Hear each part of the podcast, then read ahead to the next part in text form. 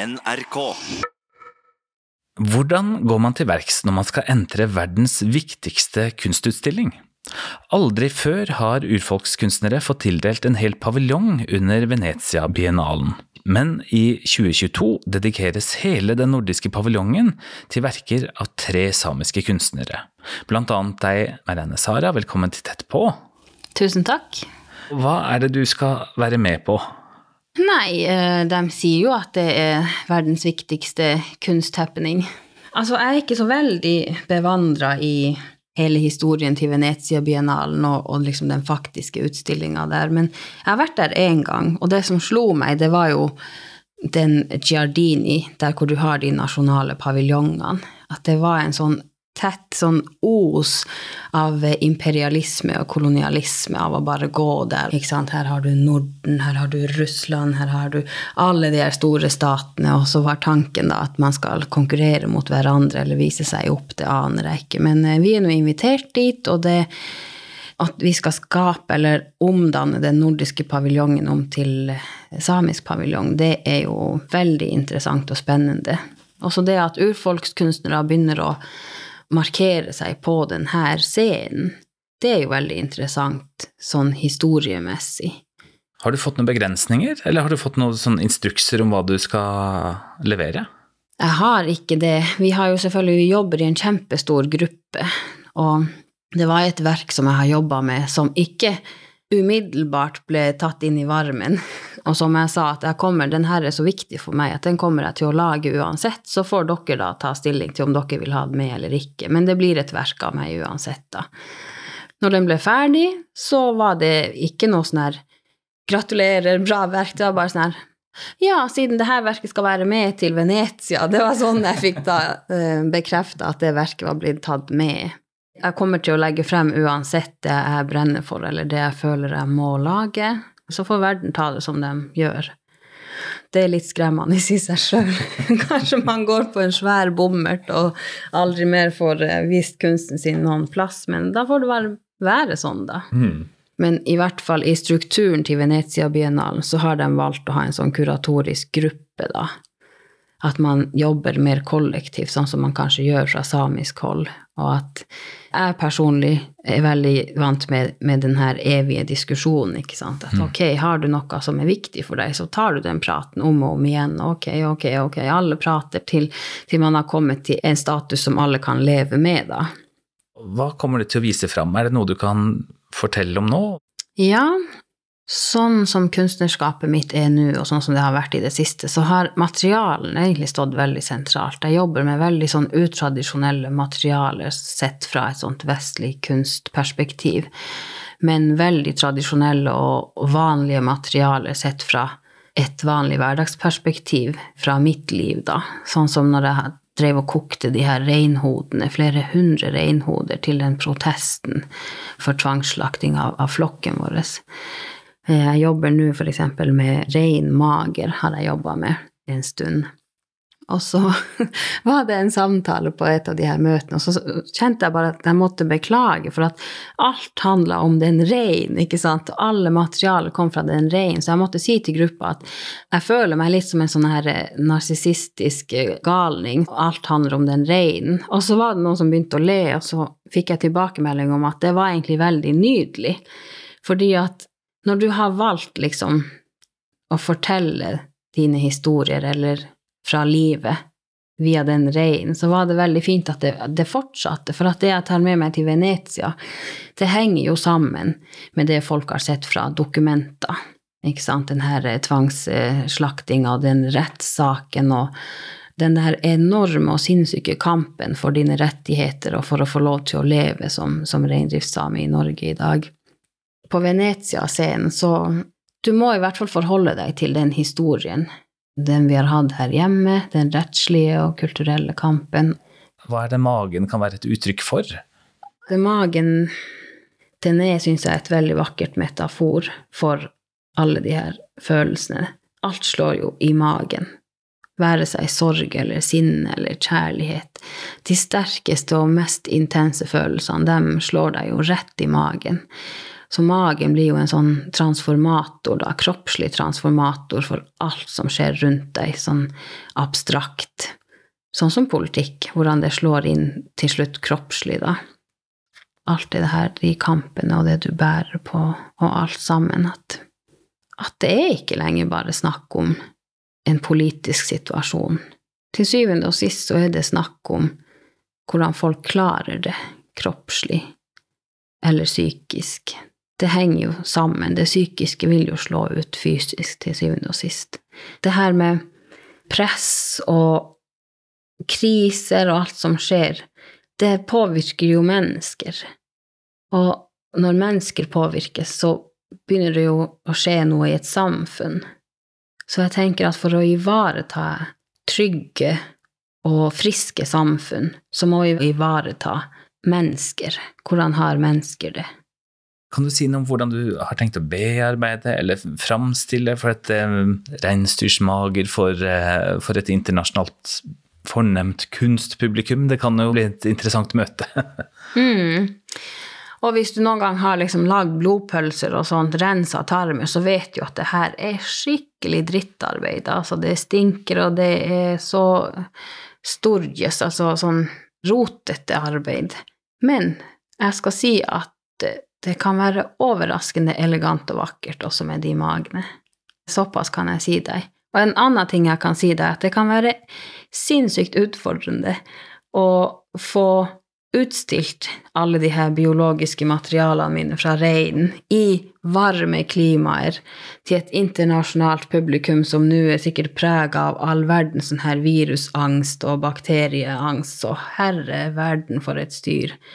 Jeg har et helt team der som overvåker bakterieutvikling nå av reinmager og diverse, diverse. Så det er spennende på mange måter. Hvordan ser det ut, da? Nei, Foreløpig bra.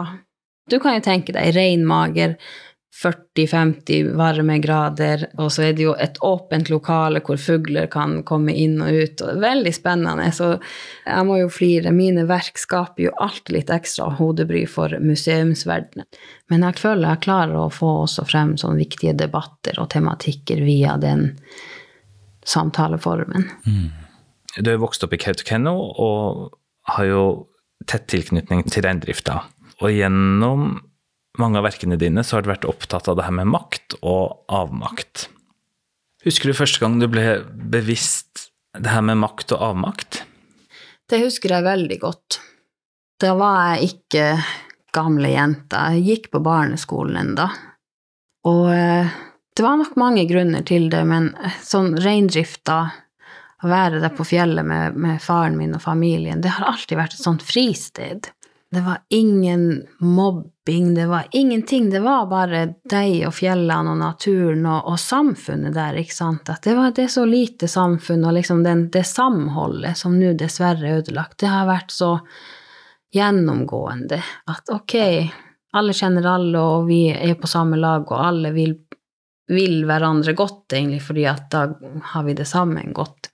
Og så var det sommer, vi hadde kommet frem til Hammerfest, som er på Kvaløya, som er distriktet vårt, sommerbeiteområdet der, der min far oppvokste. Og der kommer det jo en hel ny problematikk til da på sommeren, det er jo med byen. Og så husker jeg pappa skulle fære og kjøre til byen, og jeg skulle være med. Så sier han først nei, du skal ikke være med. Jo, jeg skal være med. Jeg krangla meg til å være med. Ok, da. Til slutt så fikk jeg være med. Da viste det seg at vi skulle til eh, politiet. Til politikontoret. Men når vi kom inn da dit, så husker jeg det var så uforståelig for meg som barn hvordan min far forandra seg. Fordi at på fjellet Pappa kunne alt. Og så lenge han var der, så var ikke jeg redd for noe som helst. Det kunne komme snøstorm, vi kunne bli fri for mat, bensin, scooteren kunne streike, whatever. Det var ikke fare siden pappa var der, liksom. Og så kommer vi da inn på det politikontoret. Han setter seg ned, og hele faren min er forandra. Kroppsholdninga hans, stemmen og lukta. Det er det rareste jeg har opplevd. Som har liksom bitt seg merke i meg for, ja, for alltid. At hvordan til og med lukta på et menneske forandra seg i en sånn ubehagelig situasjon. Og da skulle min far sitte der og forsvare seg for at reinen hadde kommet seg til byen og spiste blomster som befolkninga i verdens nordligste by hadde planta, tulipaner og sånt som absolutt hører hjemme, vet du, i verdens nordligste by. Det er et sånt minne som alltid har liksom vært med meg, men som jeg ikke egentlig har klart å definere som et så viktig øyeblikk i mitt liv at det kom til å prege alt jeg gjorde som voksen menneske.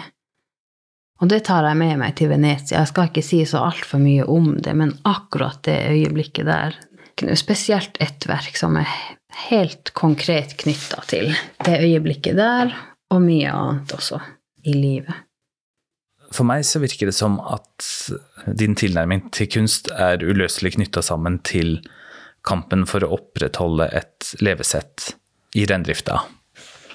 Det har vært det i mange, mange år fordi at situasjonen er så tilspissa. Når nasjonale lovverk er skapt på en måte som egentlig skjærer bort alle dine rettigheter som menneske, og dine rettigheter til det livet du lever. Altså, det blir en så ekstrem situasjon at uh, det blir altoppslukende. Og for meg som kunstner så er det helt utenkelig da å liksom kunne jobbe med noe annet. Det har vært egentlig litt sånn irritert for at jeg aldri har hatt eh, luksus med å bare kose meg med kreativitet. Yeah. at det alltid har vært en sånn her kamp, at du må liksom jobbe med ting som er så uh, akutt og så stor. På mange måter så føler jeg meg heldig at jeg har kunsten, da, for at den har gitt meg en såpass sterk stemme. Jeg klarer å formidle noe så stort, komplisert. Ja, med kunsten så, så blir det på en måte overkommelig. At man blir ikke gal av den situasjonen, fordi i hvert fall jeg får det ut sånn sett.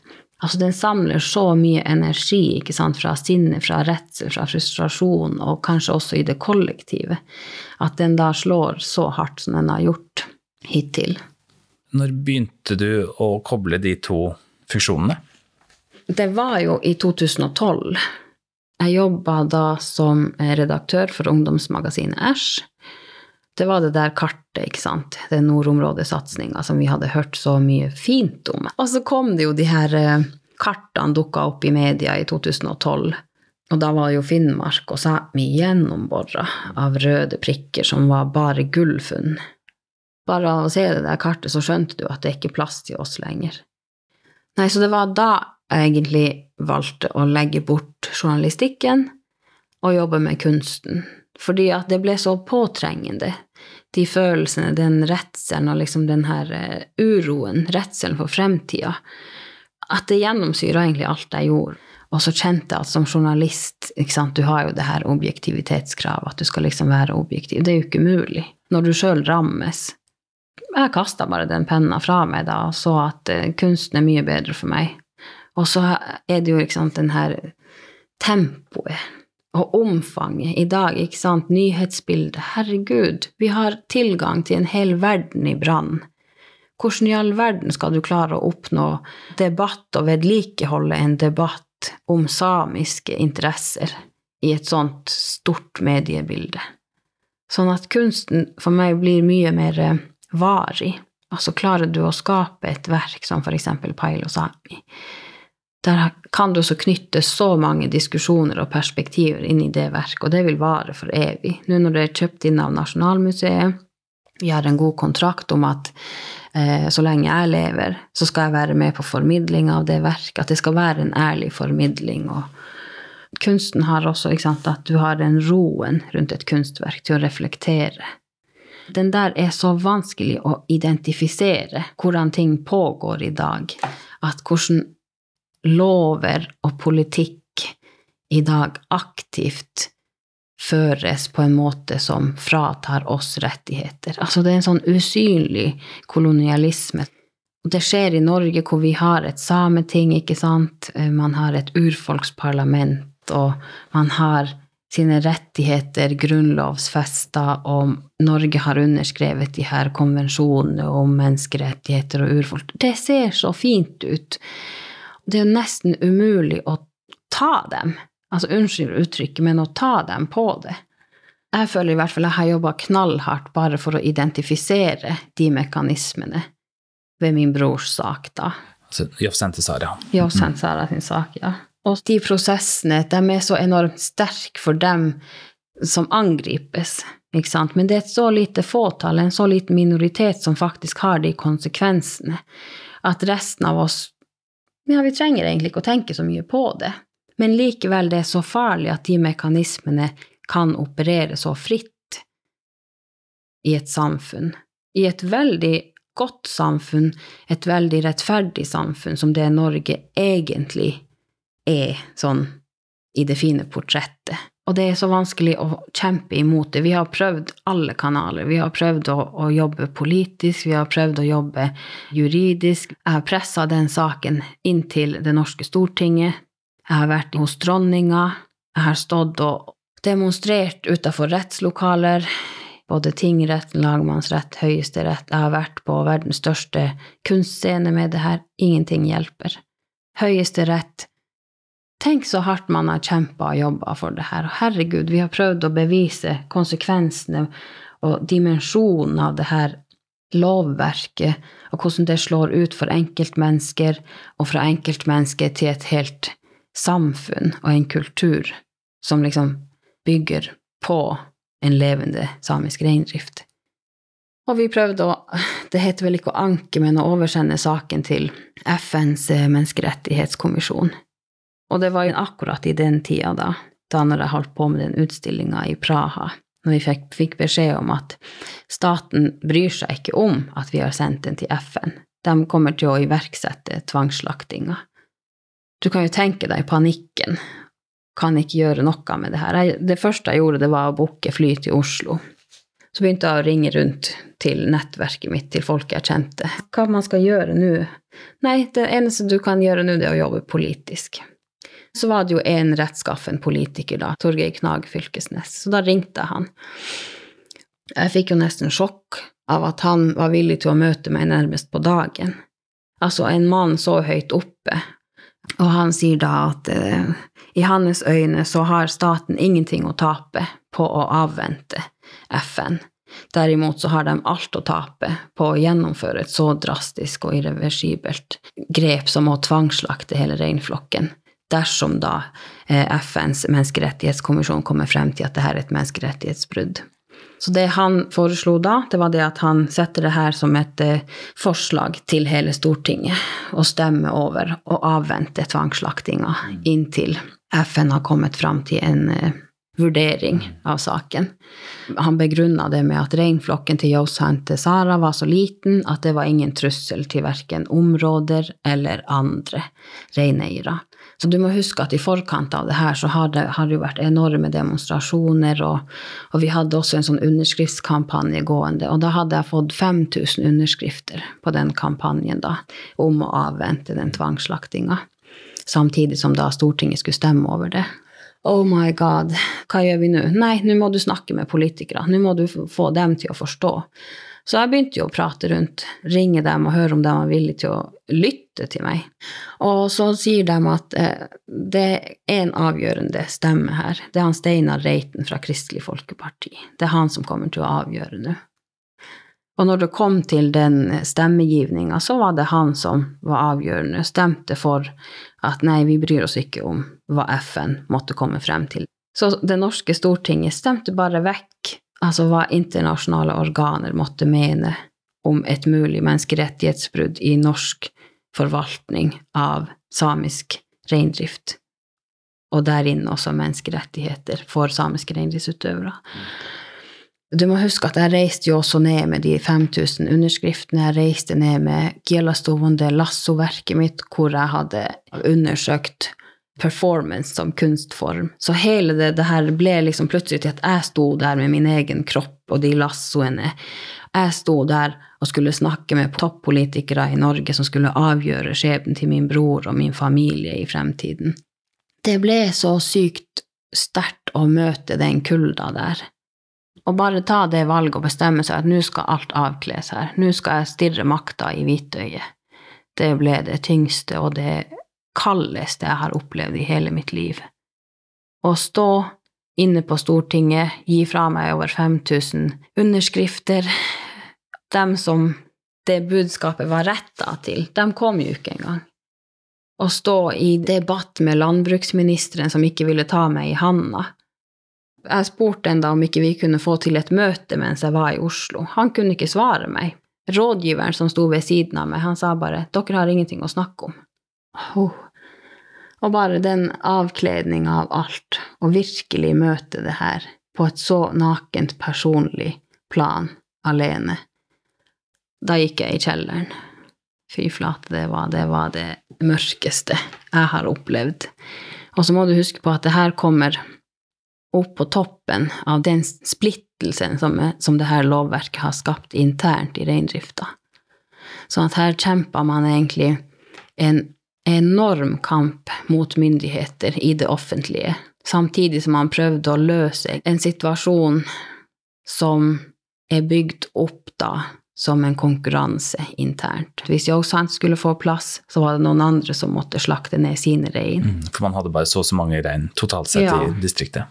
Ja, men samtidig så, så var det ikke aktuelt for oss å egentlig ta en sånn kamp internt, fordi at det sier seg jo sjøl, hvis du skal kunne jobbe videre, ha en fremtid i reindrifta, så, er det ikke, det er ikke holdbart å liksom gå til rettssak mot hverandre, sånn som dessverre mange har gjort da i kjølvannet av det her tvangsslaktningsmodellen som staten har bygd opp og iverksatt. Det har splitta opp samhold og samfunn i veldig stor grad internt. For det om For det om det Det har jo ikke vært sånn åpenlys konflikt, men en sånn kald krig kan man kanskje beskrive det best som. Og du vet at, at hvis, hvis, vi skal berges, så må noen andre liksom personlig gå inn for å redde deg da ved å skjære ned på sitt eget reintall. Ja. Uverdige forhold. Hva kom FN fram til, da? Vet du hva? Ingenting ennå.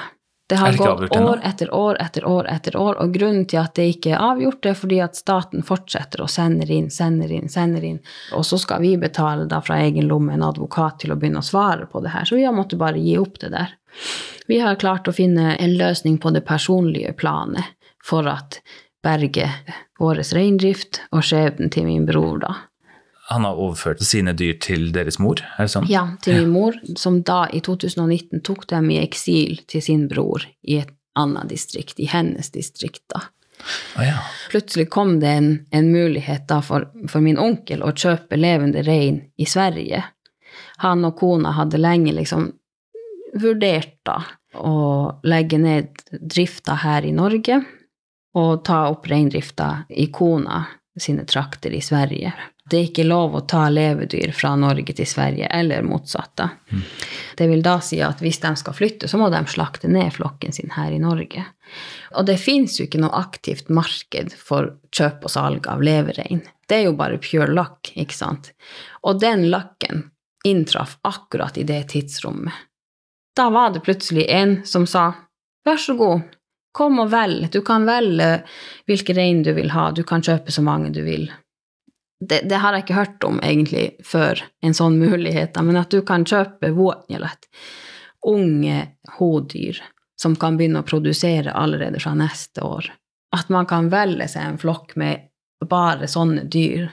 Så det, det vil da si at min onkel slakta ned flokken sin her, og da, dermed så åpna det seg en lovlig plass for våre reinsdyr, som i dag er eid av min mor i hennes århatt. Men det betyr også at vi ble jagd vekk fra min fars sine trakter. Så det ble en praktisk og pragmatisk løsning, men ikke en prinsipiell en, sånn sett? Ja. Ikke en prinsipiell en. Ingenting er løst, ingenting er endra. Men vi har i hvert fall kanskje fått åpna noens øyne for hvor forferdelig urettferdig og gal en lov kan være å slå ut for mennesker og næring, sånn som i dette tilfellet. Så da å jobbe med det her materialet, det har vært eh, en del av en, en prosess for meg personlig, men også det jeg mener er veldig viktig å diskutere om urfolkspolitikk i landet vårt. Det er jo ikke uten grunn at menneskerettighetene er så til de grader skjør i betraktning til den, akkurat den loven. Så jeg mener at den kunsten, den går jo hånd i hånd med livet. Og så nå er det en sånn fase at, sant, at vi har klart sjøl å løse det på det personlige planet. Men fortsatt så mener jeg at for det om jeg jobber personlig nå i den kunsten, så er den også overførbar til en offentlig debatt som er kjempeviktig. Hvordan håper du at den offentlige samtalen internasjonalt skal kunne påvirkes da av um, det du stiller ut i Venezia? Oi, nå har jeg jo heldigvis et år på meg ennå. det, det, er jo alltid et sjokk, liksom, sånn som når jeg får til dokumenter også.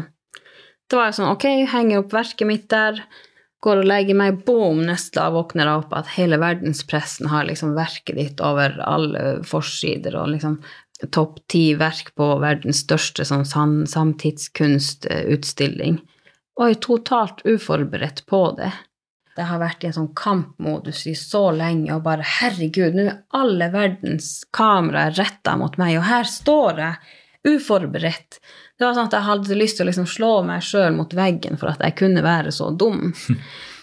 Men eh, med tanke på Italia Jeg tenker at jeg først og fremst eh, sørger for å lage gode verk som jeg kan ha en viktig og vettig dialog om være seg med naboen her i Kautokeino eller med noen fra USA eller ja, hvor det måtte være. Altså umåtelig interessant å diskutere det globalt.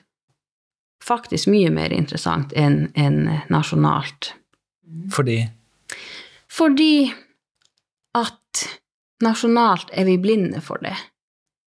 Det er nesten sånn at Er du nå sikker på at det er så ille?